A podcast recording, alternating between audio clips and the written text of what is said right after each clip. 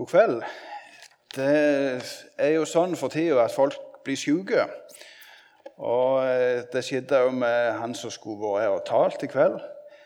Eh, og kanskje òg med noen av reservene, de, noen av de mulige reservene. Så Du kommer langt nok ned på lista, så står mitt navn der. Så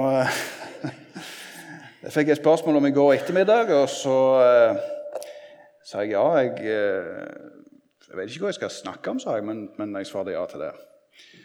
Um, så får vi se hvordan det blir. Temaet som vi har for tida i Salem, er å leve nær Gud. Vi skal prøve å fortsette der. Um, men jeg lurer på om vi kan fortsette å be litt uh, før vi går videre.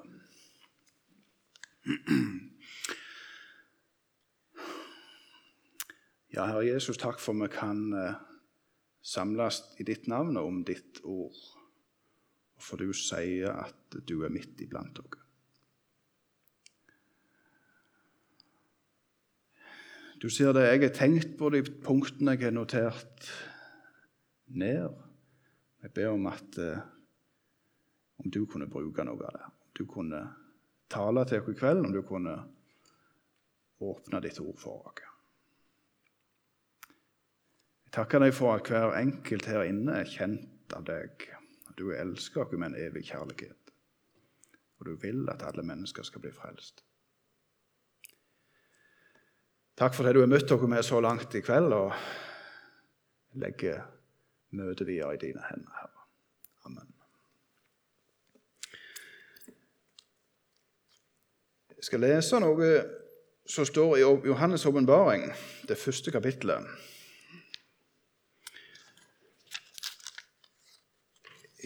Fra vers 9.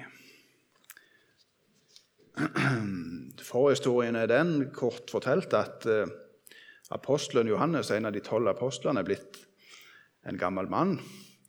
Han sitter ja, Det er forfølgelse osv. mot de kristne. Han sitter i fengsel på ei øy.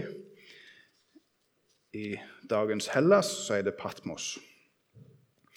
Og så en dag skjer det vi skal lese her. Jeg, Johannes, som er deres bror og har del med dere i trengselen og riket og tålmodet i Jesus, jeg var på den øya som kalles Patmos, for Guds ords og Jesu vitnesbyrds skyld. Jeg var bortrykket i ånden på Herrens dag, og jeg hørte bak meg en veldig røst like som av en basun, som sa:" Det du ser, skriv det i en bok, og send det til de sju menigheter, til Efesos og til Smørna, og til Pergamon, til Tyatira og til Sardes og til Philadelphia og til Laudikea. Jeg vendte meg om for å se røsten som talte til meg. Og da jeg vendte meg, fikk jeg øye på sju lysestaker av gull. Og midt mellom lysestakene var det en som lignet en menneskesønn.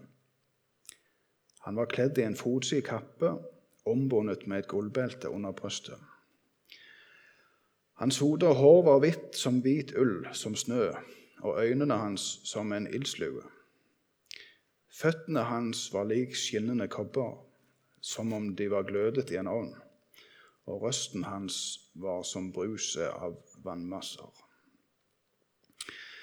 I sin høyre hånd hadde han sju stjerner, og av munnen hans gikk det ut et tveegget skarpt sverd, og ansiktet hans var som solen når den skinner i sin kraft. Da jeg fikk se ham, falt jeg ned for hans føtter som død. Men han la sin høyre hånd på meg og sa, Frykt ikke. Jeg er den første og den siste og den levende. Jeg var død, og se, jeg er levende i all evighet, og jeg har nøklene til døden og dødsriket. Skriv det du så, det som nå er, og det som skal komme etter dette og hemmeligheten med de sju stjerner som du så i min høyre hånd, og de sju gullysestaker. De sju stjerner er engler for de sju menigheter, Og de sju lysestaker er sju menigheter. Sju lysestaker og sju menigheter. Vi fikk navnene på de opprekna, de som Johannes skulle skrive til. Og Vi finner de, eh, iallfall i min bibel, på, på kartene bak i, bakerst. Det, det, de, de byer i det området som vi i dag kjenner som Tyrkia. Lysestakene symboliserer disse sju menighetene, og midt imellom dem står Jesus. Og sier frykt ikke. Jeg er den levende.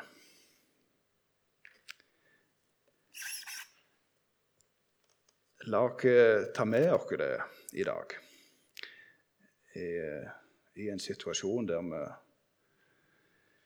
ser nyheter om krig og elendighet. Mennesker som er utrygge og på flukt. Midt i alt dette han er levende.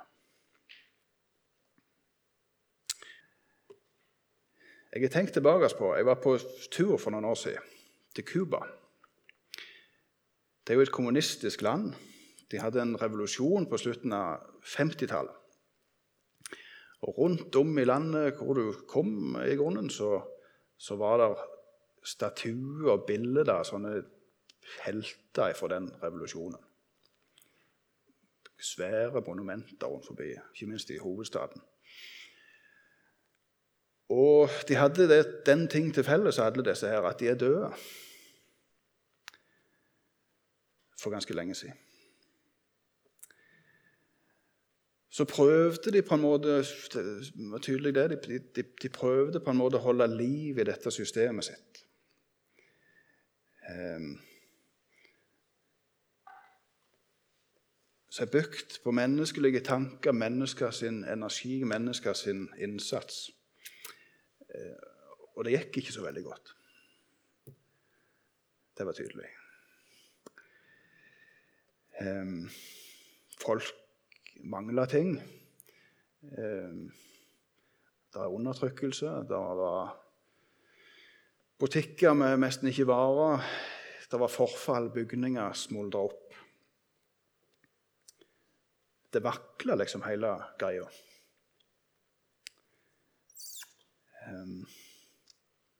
De prøvde å holde liv i noe som er dødt. Ehm, det slipper vi her. Vi samles ikke for å holde levende et minne om noe som er vært, men vi samles omkring en levende Gud som presenterer seg sånn som vi så i teksten her jeg er den levende. Og han er nær. Han står imellom lysestakene, imellom menighetene. Han er den som Bibelen omtaler som Ordet. Ordet er det nær, står der. I din munn og i ditt hjerte, der troens ord, det som vi forkynner. Og Vi kan komme til å tenke det at det, det på et vis står og feller med oss, dette vår innsats, våre aktiviteter, klarer vi å holde liv i det kristne arbeidet? Klarer vi å skaffe frivillige, rekruttere folk osv.? At Guds rike liksom består så lenge vi klarer det. Aktiviteten aktivitetene våre er jo avhengig av sånne ting. Men uh, dypest sett så samles vi omkring Jesus, og han er den levende. Og han dikterer brev da fra Johannes til disse her sju menighetene som vi fikk navnet på her. Jeg skal ikke gå i detaljer på innholdet i dem, dere kan godt lese det sjøl. Men innholdet viser at han er til stede og kjenner dem på godt og på vondt. Han er på innsida. Til de fleste så peker han på noe som ikke er sånn som det burde vært. Jeg er imot deg at Så kommer det. Han eh, kaller de til omvendelse. Um, men det er ikke sånn at han ber dem for det at Guds rike på en måte dø hvis de ikke skjerper seg. Der står det hvis de hvis de ikke vender om, så vil han gripe inn. Da kommer jeg, sier han. Til menigheten i Efesus sier han da vil jeg flytte din lysestake bort fra sitt sted. Så han er både levende, han er nærværende, og han er handlende.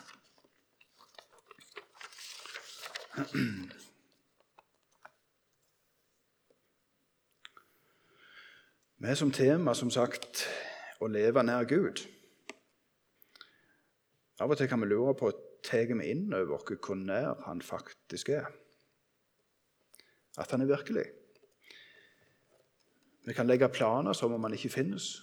Vi kan ha bekymringer som om han ikke var til. Vi snakker om eh, hva vi mener, hvordan vi vil ha det i menigheten, hva vi kan bli enige om, hvordan vi skal organisere ting, hvordan vi skal ordne ting. Og så er det hans hus, hans kirke, og vi blir kalt til å samles rundt han. Problemene er forskjellige i de sju menighetene. Um, hos noen er det det at de tåler ting som er feil. Vranglære, personer som gjør galne ting. Menigheten i Efesus de hadde mange rette meninger, men de hadde forlatt sin første kjærlighet til Jesus. Og noen er ikke klar over at de trenger han. Det er kristne menigheter midt i et hedensk samfunn.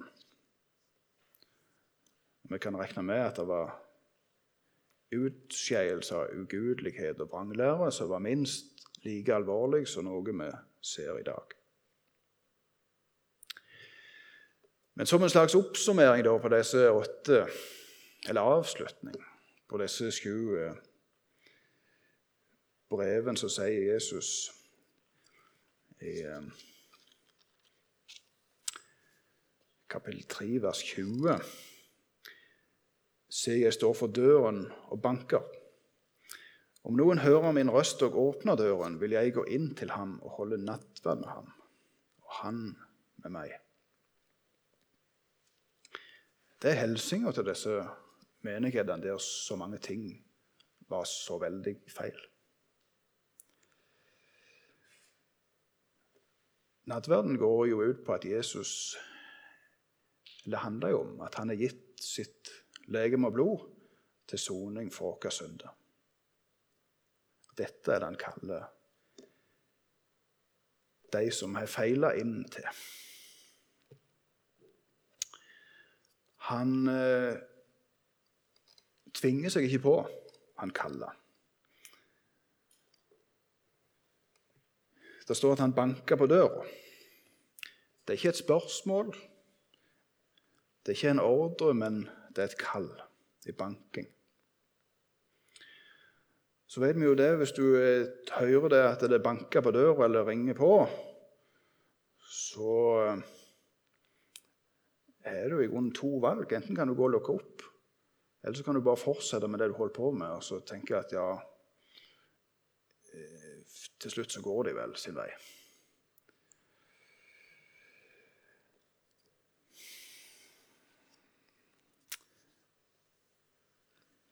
Kanskje er det ting i vårt liv som ikke er sånn som de burde vært.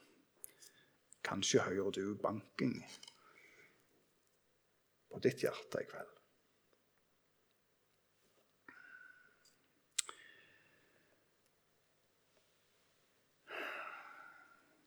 Profeten Jesaja fikk et uh, budskap fra Gud som han skulle gå til israelsfolket med.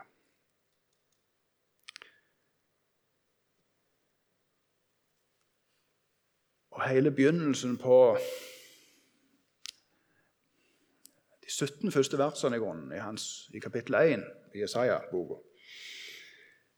Det handler om hvordan folket sin gudstjeneste er falsk. De mener ikke noe med den. Og Gud sier til dem, 'Jeg tåler ikke høytid og urett sammen'. Men etter alt dette her, og midt inn i, i det, etter alt det han er påpekt, så kommer det da i det 18. verset.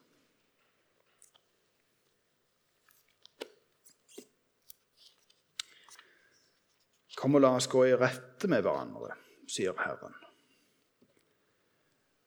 Om deres synder er som purpur, skal de bli hvite som snø. Om de er røde som skarlagen, skal de bli som den hvite ull.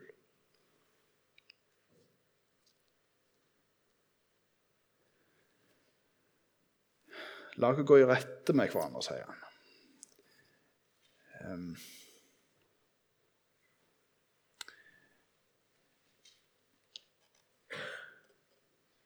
La oss komme til bunns i det.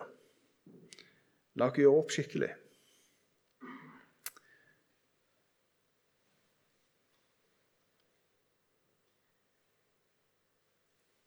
Så står det om de sterkeste fargene de kjente på, på den tida, iallfall ennå, for alt det jeg vet. Purpur og skarlagen. En slags lilla og knallrødt. Det skal bli kvitt som ull.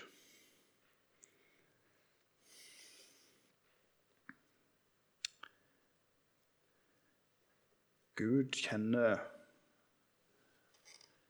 virkeligheten, sannheten bak fasaden. Det gjorde han den gang, og det gjør han i dag. Men han sier, 'Kom og la dere gå i rette med hverandre'. Han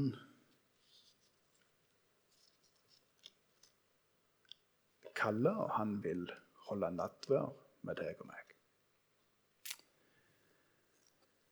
Amen.